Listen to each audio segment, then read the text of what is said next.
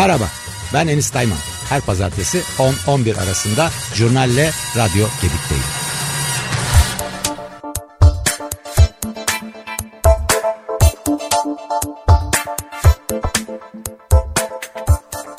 ...27 Mart 2023 Pazartesi sabahından hepimize merhaba. Jurnal başladı. Sevgili takipçiler, biliyorsunuz deprem olduğu günden bu yana depremlerle ilgili haberleri gündemin hep birinci sırasında tuttuk. Programlarımızın büyük bölümünü depremle ilgili konulara ayırmaya çalıştık. Fakat gelinen aşamada depremle ilgili haberler azaldı. Kabak tadı vermişti zaten diye de herhalde herkes düşünmeye başlıyor. Neden efendim? Çünkü haberler azaldıkça insanın hoşuna giden işte mucize haberleri vesaire azaldıkça yapılacak da fazla bir şey kalmadı gibi gözüküyor. Oysa çok fazla yapılacak şey var. Örneğin geçen gün artı 90 kanalında YouTube'da deprem bölgesinde kadın olmak başlıklı bir araştırma haber vardı. Son derece ilgi çekici ve maalesef trajik bir haberdi. Bölgede deprem bölgesinde kadınların durumunu anlatıyordu. Yani aslında yapmak istedikten sonra çok fazla haber var fakat tabii ki sıkıcı konular bunlar. O yüzden de insanlar çok da fazla ilgilenmiyorlar. İnsan derken kimi kastettiğimi de ben şimdi çıkaramadım. Her neyse.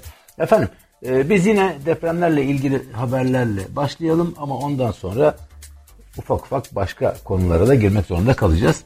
Programın gidişatı içerisinde. Şimdi depremlerle ilgili tutuklu sayısına bakalım isterseniz önce. 25 Mart 2023'ten geliyor bu haber. 317 olmuş depremle ilgili tutuklu sayısı. Ee, 108'i müteahhit 173'ü yapı sorumlusu, 18'i yapı sahibi ve 18'i binada değişiklik yapan olmak üzere 317 kişiymiş sevgili takipçiler. Depremlerle ilgili tutuklananların sayısı da bunların ne olacağı konusu henüz belli değil. Bu arada 314 şüpheli hakkında yakalama kararı var. 92 kişi hakkında da gözaltı talimatı var. 4 zanlı yurt dışındaymış. Şüphelilerden 65'i de ölmüş deprem sırasında. Böyle de bir durum var. Pardon deprem sırasında olup olmadığını tam bilmiyoruz. Ama ne diyelim Allah rahmet eylesin. Bu arada 128 kişi de ifadelerinin ardından serbest bırakılmış deprem bölgesinde. Efendim şimdi ee, ne oldu? 46 bin konutun yapımına başlandığı belirtildi. 22 Mart günü Çevre ve Şehircilik pardon Çevre, Şehircilik ve iklim Değişikliği nasıl üçünü bir araya getiriyorlar tabii o da güzel. Bakanı Murat Kurum depremden etkilenen 11 ilde 46.327 konutun yapım sürecinin başladığını söyledi ki biliyorsunuz uzmanlar bunun çok da doğru olmadığını duyurmuşlardı. Daha artçı sarsıntılar sürerken ıslak betonların direkt olarak çöpe gideceğini ama tabii ki seçimler de yaklaşıyor. Siyasiler de buradan nemalanmak derdindeler. Hemen yeni evleri vermek istiyorlar. Şimdi 18 Mart itibariyle bilgilere göre 11 şehirde 5 milyon 397 bin bağımsız bölümden oluşan 1 milyon 875 bin bina incelenmiş. 883 bin bağımsız birimden 301 bin bina yıkık, acil yıkılacak ve orta hasarlı olarak nitelenmiş. Şimdi bakan kurumun verdiği bilgiye göre 11 ilde de 3 ay içerisinde toplamda 319 bin konut inşa edileceği açıklandı. 46.327 konutunda inşaatına başlandığı duyuruldu. Ne diyor bakan? 17 bin 902 konutun temeline attıklarını söylüyor ve sonra da devam edeceklerini belirtiyor. Du 22 Mart'ta. Şimdi efendim tabi kim yapacaktı bunu? Cumhurbaşkanı Recep Tayyip Erdoğan yapacaktı efendim. Şimdi e, Cumhurbaşkanı Erdoğan hemen akabinde çıktığı televizyon programlarında şunları söyledi. 21 Şubat'tan bugüne kadar Gaziantep'te de 13.629, Adıyaman'da 2280, Kilis'te 645, Hatay'da 2928, Kahramanmaraş'ta 8773, Şanlıurfa'da 897, Malatya'da 6644, Elazığ'da 505, Adana'da 1171, Osmaniye'de 1657 ve Diyarbakır'da 1122 konutun ihalesi yapıldı dedi. Osmaniye'de 600, Kahramanmaraş'ta 620, Malatya'da 2800, Adıyaman'da 1500, Şanlıurfa'da 300, Gaziantep'te 310 ve Kilis'te 93 1600 pardon Kilis'te 93 köy evinde ihalesi yapıldı diyor. Toplamda da 46.327 afet konutu ve köy evinin yapım sürecinin başladığını duyurdu. Efendim bir yıl içerisinde de Cumhurbaşkanı el yükseltti. 650 bin konut inşa edeceklerini söyledi. Bakan kurumun açıklamasının ardından. Olası İstanbul depremi hakkında da konuştu Cumhurbaşkanı Erdoğan. Depremin tehdit etmeyeceği diyebilirim ki hiçbir şehir olamaz dedi. Bunu Ankara'da dahil. Deprem felaket ha, deprem felaket tellallığı yapmayı doğru bulmuyorum. Planlama noktasında İstanbul maalesef zannedildiği gibi planlanmadı, uygulamaya konulmadı. Kimse o planlara uymuyor. Bu zamana kadar iddiamız vardı. Kentsel dönüşüm dedik. Muhalefet kentsel dönüşüm, rantsal dönüşüm, rantsal dönüşüm diye tanımlamaya başladı. Rant toplama işi muhalefete ait bu işi iyi beceriyor dedi Cumhurbaşkanı Erdoğan. Tabi bu sözlerini neye dayandırdığını açıklamadı. Çünkü 20 yıllık iktidarın ardından 21 yıllık iktidarın ardından aslında kentsel dönüşüm başlatan ve bunları kontrol edenlerin de kendi hükümeti olduğunu muhtemelen hatırlıyordur Sayın Cumhurbaşkanı. Efendim Şimdi burada tabii ki neler söylemek gerekiyor? Siyasete, siyasetle ilgili konuştuğu konulara çok da fazla girmeden Sayın Erdoğan'ın en son Hatay'da ki ziyaretini isterseniz bir bakalım. Hatay'da Cumhurbaşkanı Erdoğan şöyle dedi. Buna e, tabii ki muhalefet gaf olarak nitelendirdi. Burası CHP'li demedik. Onlar da bizim vatandaşımızdır dedik dedi Cumhurbaşkanı Erdoğan kim için? Hataylılar için. Tam olarak cümle böyle efendim. Burası CHP'li demedik onlar da bizim vatandaşımızdır dedik. Affedersin Ermeni gibi bir aslında dil sürçmesi diyebiliriz buna. Ne zaman bunu söyledi Cumhurbaşkanı Erdoğan? İskenderun'da deprem konutları ve yeni devlet hastaneleri için temel atma töreninde konuşurken söyledi 24 Mart tarihinde. Bu da ilginç. Hatta Cumhurbaşkanı Erdoğan dedi ki ana muhalefetin 11 büyükşehir belediyesi var. Nerede bu belediyeler? Bu belediyeler de acaba buraya uğradı mı diye sordu. Kılıçdaroğlu da bir gün sonra yanıtını verdi rakamlarla. Ve e, Cumhurbaşkanı Erdoğan tabii ki 14 Mayıs'ta seçimleri kazanarak yeniden ülkeyi yönetme sorumluluğu üstlendiğimizde dedi bu konu hükümet programımızın taviz verilmez maddesi olacak. Hangi konu efendim? Güvenli binalar konusu. Bir de böyle bir durum var. Peki CHP'li belediyelerin çalışmaları konusunda Kılıçdaroğlu ne? Kemal Kılıçdaroğlu. Bunu da hemen isterseniz söyleyelim. Gelsin tutuklasınlar dedi. Neden efendim bunu söylüyor? Çünkü aslında Büyükşehir Belediyelerinin, CHP'li Büyükşehir Belediyelerinin yaptığı yardımları paylaştı. Ve gelsinler tutuklasınlar dedi yardımları yaptıkları durumlarda. Bu arada tabii e, Sayın Erdoğan ilginç bir biçimde muhtemelen seçim kampanyasının da herhalde bir parçası olarak diye düşünüyorum ben. E, Hatay'da otobüsten depremzedelere oyuncak attı sevgili takipçiler. E, daha önce de biliyorsunuz depremzede çocuklara para dağıtmıştı Erdoğan. Ağustos 2021'de de orman yangınları devam ederken afet bölgesi ilan edilen Marmaris'e büyük bir konvoyla gitmiş ve yurttaşlara otobüsten çay dağıtmıştı Cumhurbaşkanı Erdoğan. İlginç tabii ki ne diyelim. Cumhurbaşkanlığı nezdinde e, bu oyuncak dağıtılırken aslında bir de anket var elimizde. Anket nedir? Metropol Araştırma Şirketi'nin anketi efendim. Siyasi bir anket değil. Nedir? E, her 10 kişiden 7'sinin 2018'de çıkarılan imar affını doğru bulmadığını belirttiği bir anket. Ee, Kahramanmaraş'ta merkez depremlerdeki son resmi güncelleme 50.096 şu anda. Ölü sayısı ve maalesef tabi bunlar da imar aflarının bir ürünü. Metropol e, araştırmanın kurucusu Özer Sencer yaptıkları araştırmayı e, sosyal medyadan paylaştı. İmar affı doğru muydu, yanlış mıydı diye sorulan ankette %74.1 oranında yanlış cevabı geldi. Sadece %15'lik kesim doğruydu demiş. Bunların yarısını da %25'lik e, oranlarla 2018'de AKP ve MHP'ye oy veren seçmenler oluşturmuş. İktidar ittifakında ise imar affını yanlış bulanlar AKP'de %58.9, MHP'de %67.1'lik oranla çoğunlukta ölçülmüş. Yani iktidar ittifakına oy verenler, Cumhur İttifakı'na oy verenler de sevgili dinleyenler yüzde neredeyse 60 ve 70 oranlarında yanlış bulmuşlar bu e, durumu. CHP'dense doğru diyenler 3.7'de kalmış. Yanlıştı diyenler 91.4'te kalmış. İyi Partililerin 2.1'i doğru demiş. E, 94.7'si yanlış demiş. HDP'lilerin %5'i doğru, %90.5'i yanlış. MHP'lerin de az önce söylediğimiz gibi %25'i doğru demiş.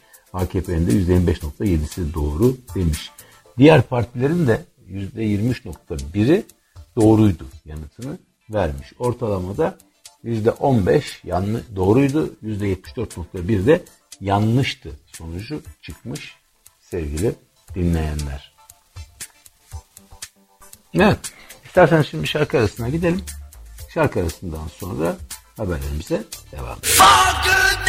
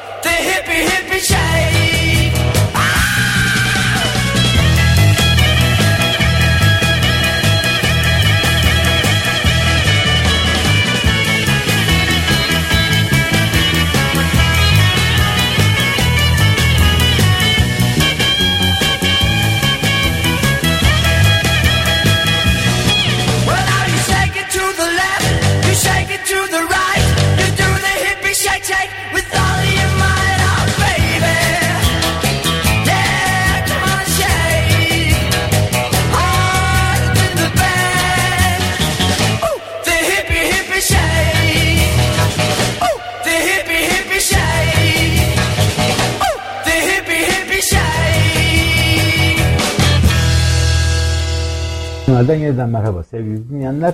Az önce Metropol Araştırma'nın 2018'e çıkarılan imar affı doğru muydu yanlış mıydı sorusuna dair yaptığı araştırmanın sonuçlarını vermiştik. Burada AKP ve MHP'ye oy atanların da büyük bölümünün yaklaşık 3'te e, 2'lik bölümünün yanlış bulduğunu belirtmiştik. E, ve diğer partilerde de bu oranların e, yanlış bulanların %90'lar seviyesinde olduğunu da hemen belirtmek gerekiyor. Efendim şimdi e, anketlerden hazır söz açılmışken ve imar affı anketinde AKP ve MHP'nin ittifakı yine görülürken ki 25.7'lik oranda doğru demiş AKP ve MHP ittifakı. Bir de isterseniz 11 şirketin ortalamasıyla siyasete bir bakalım. Siyasette ne diyor?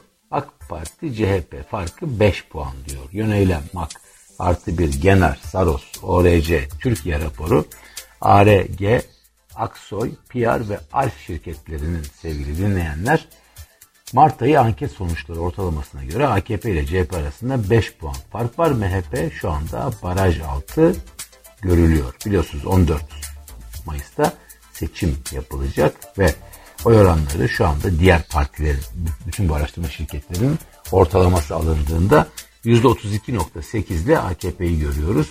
%27.6 ile CHP'yi görüyoruz sevgili dinleyenler.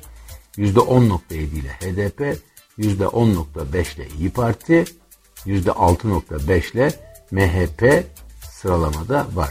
Bazı anket şirketleri %3'ün altında oy alan partileri ayrı olarak değerlendirmediği için de o partilerin ortalama oy oranları aslında e, biraz karışık. Onu da burada hemen belirtmek gerekiyor. Ama e, Memleket Partisi e, şöyle diyelim isterseniz. E, Gelecek Partisi, Deva Partisi, Yeniden Refah Partisi, Türkiye İşçi Partisi, Zafer Partisi ve Saadet Partisi'nin de oy oranları kesin olmamakla beraber şöyle. Memleket Partisi %2.9, Gelecek Partisi %1.6, Yeniden Refah %1.3 sevgili dinleyenler. Türkiye İşçi Partisi %1.2, Zafer Partisi %1.1, Saadet Partisi %0.9 şeklinde sıralanıyor. Bunu tekrar edelim. Niçin efendim e, ayrı veriliyor? Çünkü bazı araştırma şirketleri bu partilerin oy oranlarını hesaplama gereği görmemiş. Bazıları hesaplamış. Dolayısıyla bütün e, o bir meta araştırma olarak değerlendirildiğinde onların tam olarak veriyi sağlayamadığını görüyoruz. Siyasette durum böyle. Türkiye'nin durumu var mı peki? Değişiklik var mı? Hayır yok. Neden efendim yok? Şimdi e, tabii ki daha önceden olanlar bunlar ama Türkiye'de yeni ortaya çıkıyor. Kızılay üzerinden Ensar'a bir bağış daha ortaya çıkmış sevgili takipçiler. Efendim Aile Enerji ve Mühendislik Hizmetleri şirketi şartlı bağışla Kızılay üzerinden Ensar Vakfı'na 985 bin dolar aktarmış. Kızılay da bu işlemden 15 bin dolar komisyon almış. Eh, balçadan parmağını yalıyor değil mi?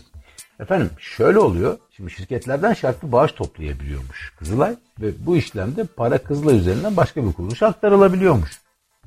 Şirketler böylece bağış miktarının tamamında vergiden düşebiliyormuş. Kızılay ise işlemden komisyon alıyormuş. Şimdi tabii şartların ne olduğu ve bağışı yapanların bilgileri de burada açıklanmıyor. Hemen belirtelim. Ee, şartlı bağış Torunlar grubuna ait Başkent Gaz şirketinin Kızılay'a bağışladığı 8 milyon dolarla gündeme gelmişti ilk olarak. Şirketin bu bağışı yaparken söz konusu miktarın 7 milyon 925 bin dolarının Ensar Vakfı'na aktarılmasını 75 bin dolarının ise Kızılay'da kalmasını şart koştuğu belirtilmişti. 75 bin dolar iyi para. Kızılay'a yapılan bağışların tümü de vergiden düşüldüğü için bu işlem vergi kaçırma olarak değerlendirilmiş. Ensar'ın da parayı yöneticiler arasında Bilal Erdoğan'ın bulunduğu Türkiye Gençlik ve Hizmet Vakfı yani TÜRGEV'in ABD'deki Türkan Vakfı'na aktardığı efendim ortaya çıkmış. Gördüğünüz gibi para bayağı bir yolculuk yapmış. Kıtalar arası okyanus aşırı bir yolculuğa çıkmış para. Şimdi Kızılay'ın 2015-2019 yıllar arasını kapsayan 5 yıllık dönemde 5 iş insanı ve 11 şirketten toplam 50 milyon 852 bin liralık şartlı bağış aldığı aslında ortaya çıkmış. Şimdi e, bir günden İsmail Arı ise Kızılay'a bir şartlı bağışın daha detaylarına ulaşıldığını belirtmiş. Bu da az önce belirttiğimiz Aile Enerji ve Mühendislik Hizmetleri isimli şirketin Kızılay'a 2017'de 1 milyon dolarlık şartlı bağış için başvurmasıymış efendim. 985 bin dolarını Ensar Vakfı'na aktarılmış. 15 bin dolar da Kızılay'ın faaliyetlerinde kullanılması için talep edilmiş. Evet Türkiye'de gördüğünüz gibi çok da başka bir durum. Neden efendim Türkiye'de e, bu işler garip e, demek gerekiyor. Şimdi bunları okuduk tabii ki. Kızılay Genel Müdürü Kerem Kına hemen dönmek gerekiyor bu noktada. E, Başkent Gaz firmasının o ilk e, haberde okuduğumuz gibi Kızılay aracılığıyla Ensar Vakfı'na bağış yapmasının vergi kaçırmak olmadığını söylemiş, vergiden kaçınmak olduğunu belirtmiş efendim kaçmak ve kaçınmak arasında Kerem Kınık son derece güzel bir kelime oyunu yaptığını herhalde düşünüyor. Son derece zeki olduğunu da düşünüyor herhalde. Ee, kendisine Allah selamet versin diyoruz bu zeka pırıltılarının altında. Ee, Kızılay çeşitli şirketlerden bu paraları alıp e, lüpletirken gerçekte insanlar son derece zor anlar ve günler yaşıyor Türkiye'de. Bunu zaten biliyoruz. Ee, ama mesela şunu belki bilmiyordunuz. Ben size hemen hatırlatayım efendim. Hatay'ın Samandağ ilçesinde enkaz hafriyatları dökülüyormuş ve depremzedeler asbest riskinin göz ardı edildiğini belirterek Molos kamyonunun önünü kesmiş. Evet Antakya Samandağ'da molozları bize atmayın demişler. Zaten depremin vurduğu bir yer ve e, Samandağ Deniz Mahallesi'nde enkaz hafriyatları mahalleye dökülüyormuş. Su kanalı ve çadır kent alanlarının hemen yanında olan hafriyat toplama alanı kaldı, kaldırılsın diye de eylem yapmış halk. Tabi daha önce de başka haberler çıkmıştı. Örneğin 10 Mart'ta e, iklim adaleti koalisyonu Türkiye'li 77 ekoloji örgütünün bileşeni olduğu iklim adaleti koalisyonu Hatay'daki enkaz kaldırma çalışmalarının yeni bir ekolojik tahribata neden olduğunu belirtmiş ve Çevre, Şehircilik ve İklim Değişikliği Bakanlığı'na dilekçe vermişti. Bu 10 Mart'ta olmuştu sevgili takipçiler. Ne demişlerdi? Ee, İyak şunu söylemişti. Hatay'da olan heyetimiz enkaz ölüm alanlarını görüntüledi, döküm alanlarını görüntüledi. Basınla paylaştı. Antakya'nın enkazının döküldüğü altın özündeki alan zeytinliklerle dolu bir vadi. Acilen doğayı korusun çağrısını yineliyoruz. Şimdi efendim zeytinliklere döküyorlar. İç çekmekten başka herhalde aklımıza bir şey gelmiyor. Ee, evet iç çekmekten başka tabii ki e, bir sürü şey söylenebilir. Hatta şimdi şunu e, görünce bakalım söylenecek fazla bir şey var mı onu da siz düşünün. Bu haber e, ne depremle ilgili ne siyasetle ilgili sevgili takipçiler. Efendim İstanbul, Florya'da bir alışveriş merkezi varmış. Florya son derece lüks bir semt. İstanbul'un Bakırköy'e bağlı. Bu tuvalet e, pardon bu alışveriş merkezinde bir özel tuvalet bulunuyormuş. Giriş ücreti 25 liraymış. İşletmenin sahibi de demiş ki burayı sadece bir tuvalet olarak düşünmeyin. VIP tuvalet. Şimdi e, Hollandalı bir şirket tarafından işletiliyormuş. Avrupa'da 200 şubesi varmış. Bebeklere özel bölümse 50 liraymış kullanım. Yani gerçekten inanılmaz. E, alışveriş merkezinin çalışanları için aylık abonelik sistemi de varmış efendim. 400 liraymış bu. 400 lira iyi para.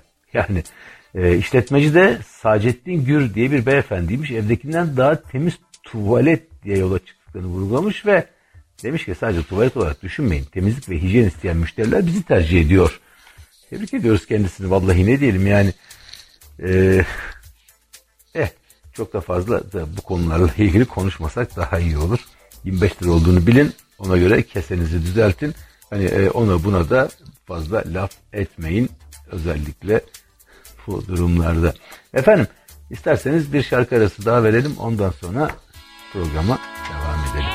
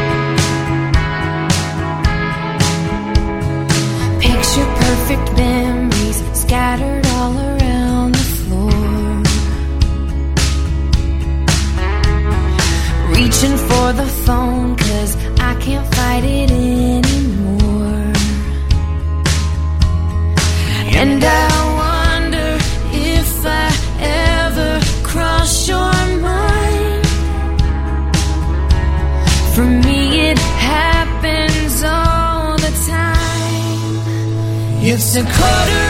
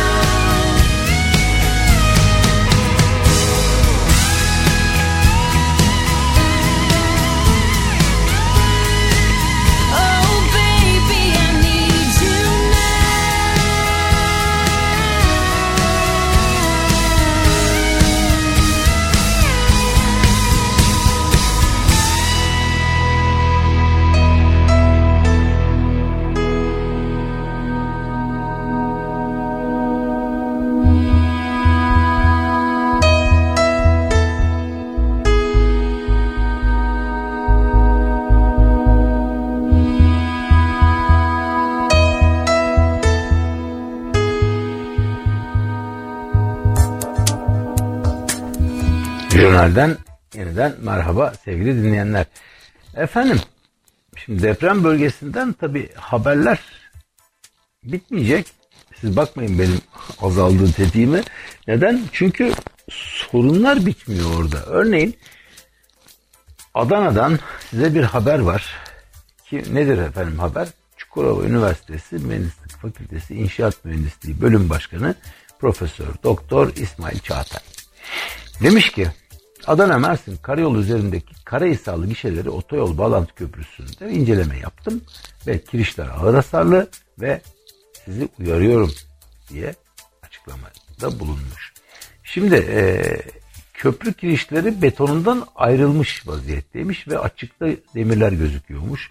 Kablolar kopmuş ve dökülen beton parçaları da korkutan bir görüntü sergiliyormuş. Ve üzerinden ağır araçlar geçen bir köprüymüş. E, hasar gören kirişlerin altına da e, geçen yola güvenlik amaçlı dubalar yerleştirilmiş. Bir de böyle bir durum var. Şimdi yüksek tonajlı bir aracın çarpma sonucu köprü kirişlerinin ağır hasar aldığını söylemiş Profesör Doktor İsmail Çağatay. Ve köprü kirişlerinde kabloların da kırıldığını ifade etmiş. Bu ön gerilmeli kirişler otoyol köprülerinde yaygın olarak kullanılıyor. Bu içerisinde yüksek mukavemetli çeliklerin olduğu 7 tellik kabloların bulunduğu bir sistem ancak burada köprüyü taşıyan kablolarda çok büyük gerilmeler var ve birkaçının da kırılmış olduğu görülüyor. Köprünün üzerinden araba geçiyor. Dolayısıyla bu haliyle kullanılmasında büyük risk var demiş efendim. Evet kim dinler kim bir önlem alır bilmiyoruz. Biz buradan duyurmuş olalım. Çünkü neden? Türkiye'de bile artık o kadar bilinen konulara ve sorunlara hiç kimsenin kılını kıpırdatmadığı bir ortamda yaşıyoruz. Bunlardan biri de sevgili takipçiler Türkiye'nin su sorunu efendim. Şimdi e, su sorunu nedir e, aslında hemen onu size bir anlatalım. Biliyorsunuz e, tüm dünya ile birlikte Türkiye'de etkisi gün be gün daha çok hissedilen kuraklığa ve beraberindeki su sıkıntısına karşı tedbirler sürekli gündemde. İstanbul Büyükşehir Belediyesi'ne bağlı İstanbul Su ve Kanalizasyon İdaresi 24 Şubat 2023'te suyun tasarruflu kullanılmasına dair yurttaşlara bir çağrı yapmıştı. Tarım Orman Bakanlığı da yeni bir çağrıda bulundu bununla ilgili ve çağrıya uygun bir de kılavuz hazırladı. Bakanlık kılavuzu ve hedeflenen özellikle binalarda %25 oranında su tasarrufu sağlanmasını istedi. Şimdi ben buradan size birkaç tane okuyayım. Bakalım ne kadar olur diye soralım. Efendim Eller yıkanırken, dış fırçalanırken ve tıraş olurken musluk kapatılmalı. Aman ne büyük. Çamaşır ve bulaşık makineleri tam dolu bir şekilde çalıştırılmalı. Süper. Su sızıntıları önlenmeli. Harika. Halılar ve balkonlar tasarruflu yöntemlerle temizlenmeli. Mümkünse sadece silinmeli. Muhteşem. Sebze ve meyveler akar musluk yerine su dolu kapta yıkanmalı. Şahane. Söz konusu stratejilerin hayata geçirilmesi adına da binalarda su verimliliği sistem kurulumu talimatı hazırlanmış sevgili dinleyenler. Şimdi fakat bütün bu Su verimliliği kime? Yine vatandaşa. Peki en çok suyu kimler tüketiyor aslında? İşletmeler tüketiyor, fabrikalar tüketiyor. Bu fabrikalara dur var mı? Hayır yok. O fabrikaların suyu temizlemesiyle ilgili çalışma var mı? Hayır yok. Niye? Çünkü özellikle ben e, Hürriyet'in Bursa ekinde yazı işleri müdürüyken Bursa'da sürekli olarak nehirlerin filtresiz sanayi atıkları yüzünden ağır biçimde kirletildiğini defaten haber yapmış bir gazeteciyim. Hala da bir e, çözüm olmadığını maalesef bulunmadığını da buradan belirtmek istiyorum. Yani dolayısıyla evet diş fırçalarken suyu kapatalım da sanayi atıklarının e, suya hesapsızca karışmasını, derelere hesapsızca karışmasını ve çevreyi kirletmesini, suları kirletmesini ve e, daha da yoğun biçimde susuzluğun artmasına yardımcı olduğunu bu tavırların lütfen artık bilelim. Şimdi tabii ki e, sorun sadece tasarrufla çözülemez. Neden tasarrufla çözülemez? Aynı zamanda kuraklığın da etkisi olduğunu bilmek gerekiyor. Aynı zamanda nüfusun çok yoğun etkisinin olduğunu bilmek gerekiyor. Ve maalesef bunun sadece İstanbul ya da işte Marmara bölgesi değil, İzmir ve Aydın içinde yaşandığını hemen hatırlatmak gerekiyor sevgili dinleyenler. Şimdi tabii ki sağlıklı sesler var Türkiye'den hala çıkan. Bunlardan biri de e, İstanbul Bilgi Üniversitesi Çevre Enerji ve Sürdürülebilirlik Uygulama ve Araştırma Merkezi Müdürü Profesör Doktor Ayşe Uyduranoğlu. E, Diken.com.tr'den Mesuda Erşan'a konuşmuş Uyduranoğlu ve Türkiye'nin su fakiri olma yolunda ilerlediğini belirtmiş. Bu nedenle göç verir hale gelebilir demiş. Ki Uyduranoğlu, iklim değişikliğinin sonucu meydana gelen afetlere, verilere ve öngörülere bakınca iyimser olmak zor. Mesele binlerce kilometre uzaklıktaki buzulların erimesinden bize ne diyebileceğimiz kadar basit değil. Bu tüm dünyanın sorunu etkilerinden hiçbir coğrafya parçası ve insan muaf değil. Türkiye daha şimdiden sonuçlarını yaşıyor. Seller, orman yangınları, kuraklık, susuzluk, insan eliyle yaratılan iklim değişikliğinin yıkıcı etkileri. Evet sevgili dinleyenler. Peki buna bir çare var mı? Hmm, bir bakalım isterseniz. Şöyle diyelim kısaca aslında yok. Neden yok? Ayşe Uyduranoğlu diyor ki Türkiye'nin etkin ve çok kapsamlı bir etkin, e, iklim politikası olduğunu söyleyemem. Bir bilim insanı nezaketiyle aslında bir arpa boyu yol ilerlemediğimiz ve hiçbir şeyimizin olmadığını söylüyor Uyduranoğlu. Cümleyi tekrarlayalım efendim. Türkiye'nin etkin ve çok kapsamlı bir iklim politikası olduğunu söyleyemem. Eski Çevre ve Şehircilik Bakanlığı tarafından 2011'de yayınlanan ve 2011-2013 kapsayan iklim değişikliği ulusal eylem planı var. Türkiye plan hazırlandığı zaman herhangi bir emisyon azaltımını hedeflememişti.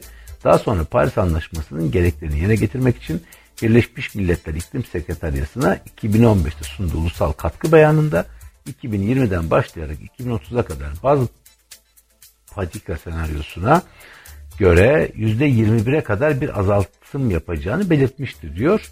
2022'de bu hedef güncellendi %41'e çıkarıldı diyor uyduran oğlu efendim.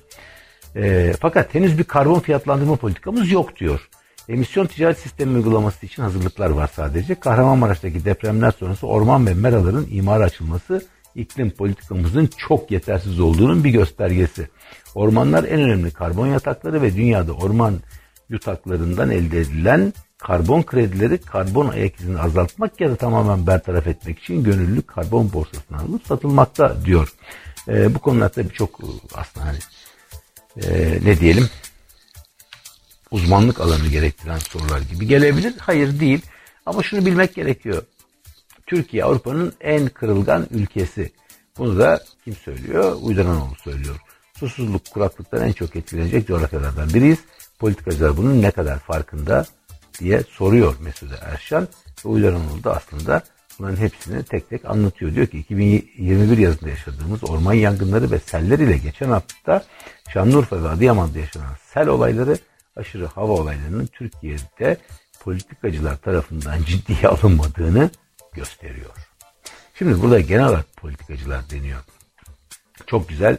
Ee, biz siyaseten hatta işte e, belki de düşünüldüğü gibi muhalefetin ve iktidarın düşündüğü gibi sadece politikanın geçerli olduğu bir ne yönelim ne bir e, parti politikası istiyoruz. Aslında iklimin de çok fazla gündemde olduğu, iklimle ilgili yapılacak şeylerin de tartışılması gerektiğinin artık parti programlarına girip seçim kampanyalarında da ön plana çıkartıldığı bir partileşme, bir siyaset istiyoruz. Ama bu olacak mı sevgili dinleyenler? Bunu da tabii tartışmak gerekiyor. Yani şimdi e, Mesut Erşan zaten diyor ki e, önümüz seçim siyasi partiler bu meselelerle ilgili mi sadece? E, Türkiye'de diyor sadece işte iklimi merkeze alan siyasi partiler Türkiye'de var ama oy potansiyelleri çok düşük. Oy potansiyeli yüksek partilerin ise merkeze koydukları en önemli sorun değil bu diyor. CHP'nin iktidar ortağı olması halinde yeşil bütçe gibi bazı planları var. Bu konuda da çok geç kaldık. Yeşil bütçe uzmanlık alanının olduğu için rahatlıkla söyleyebilirim ki çevre dostu davranışların benimsenip geliştirilmesi de etkili olabilir. Evet. Demek ki aslında e, bu yeşil bütçe meselesi çok önemli ve yeşil bütçeyi kim destekliyorsa e, çevre anlamında, iklim anlamında kim bir adım ileri gitmemize yol açacaksa belki de artık ona oy vermek çok çok daha elzem. Yani herhangi bir şekilde siyaseten, herhangi bir şekilde sağ sol, ıı, ileri geri her türlü siyasetin yerine iklimi merkeze alan ve bununla ilgili politikalar üreten, ekonomiyi buna göre yönlendiren belki de bir sistem hepimiz için çok daha ideal olacaktır diye umuyoruz. Evet, isterseniz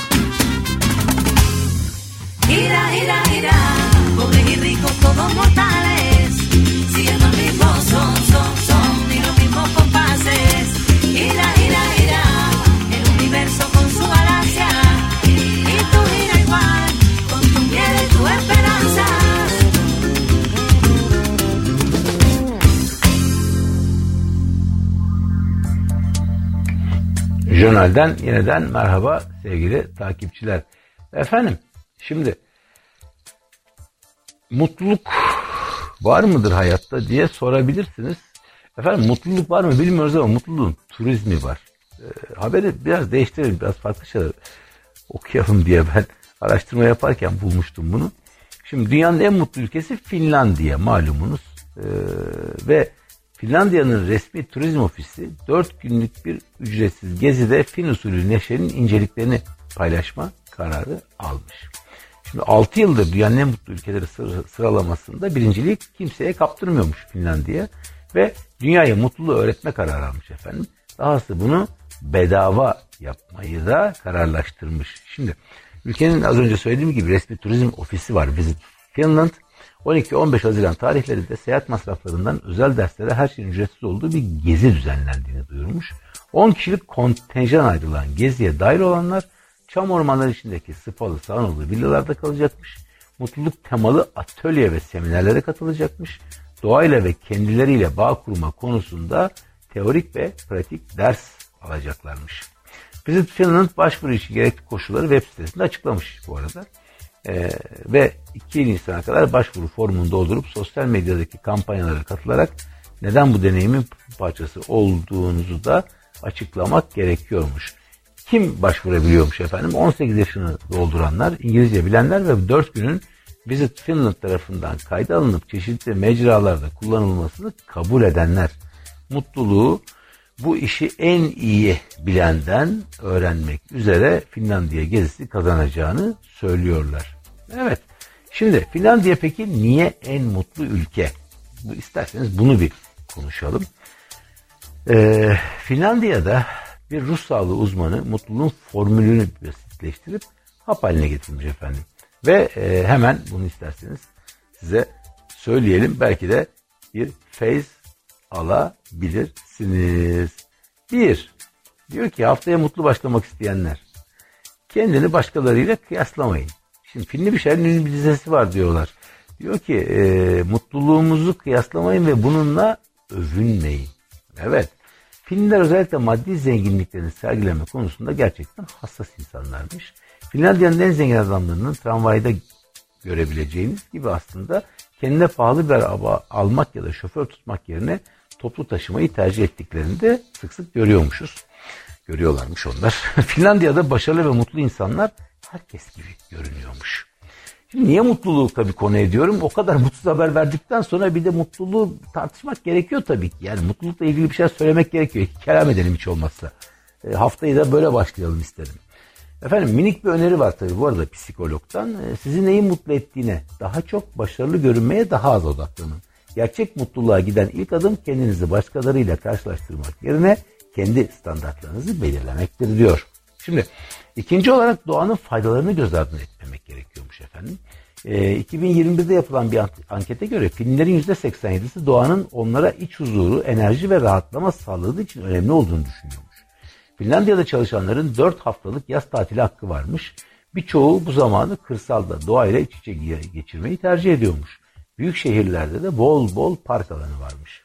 Şimdi yeniden bir öneri var psikologdan. Doğada zaman geçirmek bize can verir diyor. Esenliğimizi artırır. Ne yapın edin hayatımızda biraz yeşillik katmanın yollarını bulun. Şimdi burada duralım. Toplum diyor birbirine güveniyor. Araştırmalar bir ülkede güven düzeyi ne kadar yüksekse vatandaşların o kadar mutlu olduğunu gösteriyor. 2022'de bir kayıp cüzdan deneyi yapılmış ve dünya çapında 16 şehirde 192 cüzdan düşürülerek vatandaşların dürüstlüğü test edilmiş efendim. Helsinki'de 12 cüzdandan 11'i sahibine iade edilmiş. Türkiye var mı nedir durum bilmiyorum. Hatta ben size söyleyeyim şimdi Türkiye'de bu olsa konuya biraz saplama yapacağım ama az para çıktı diye sahibini bulup döverler Türkiye'de. Biz de böyle bir ülkeyiz. Fin halkı birbirlerine güveniyormuş efendim. Dürüstlüğe değer veriyor. Kütüphanede ya da otobüste unutulan telefonlarsa çok büyük ihtimalle geri dönüyormuş. Çocuklar okula kendileri gidip geliyormuş ve sokakta rahatça oynayabiliyorlarmış. Hayal gibi değil mi? Minik bir öneri diyor tekrar. Ee, bulunduğunuz toplulukta insanların birbirine güvenmesi için siz ne yapabilirsiniz? Üzerine düşünmeye değer bir soru. Evet isterseniz tekrar edelim mutluluğun formülü. Üç formülü. Birincisi efendim Sizi neyi mutlu ettiğine daha çok başarılı görünmeye daha az odaklanın. Gerçek mutluluğa gelen, giden ilk adım kendinizi başkalarıyla karşılaştırmak yerine kendi standartlarınızı belirlemektir diyor. Doğada zaman geçirmek bize can verir diyor. Esenliğimizi artırır ve ne yapın edin hayatınızda biraz yeşillik katmanın yollarını bulun. Bulunduğunuz toplulukta insanların birbirine güvenmesi için siz ne yapabilirsiniz? Üzerinde düşünmeye değer bir soru diye de ekliyor haber.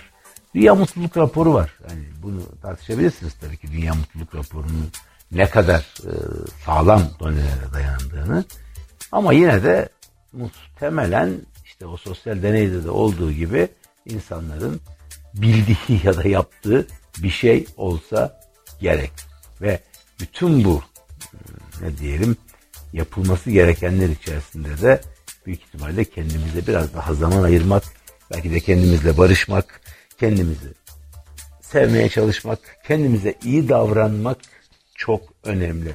Kendinize iyi davranın sevgili dinleyenler. Kendinizi sevin. İnsanları sevin. E, kişisel gelişim programı gibi oldu değil mi? Evet biraz öyle oldu. Olsun varsın ne yapalım. Bu da kişisel gelişim programı şeklinde bari bitsin. Efendim bizi dinlediniz. Çok teşekkür ederiz. Haftaya buluşmak ümidiyle diyoruz. Daha mutlu, daha güzel haberlere de okumak için gerçekten çok istekliyiz.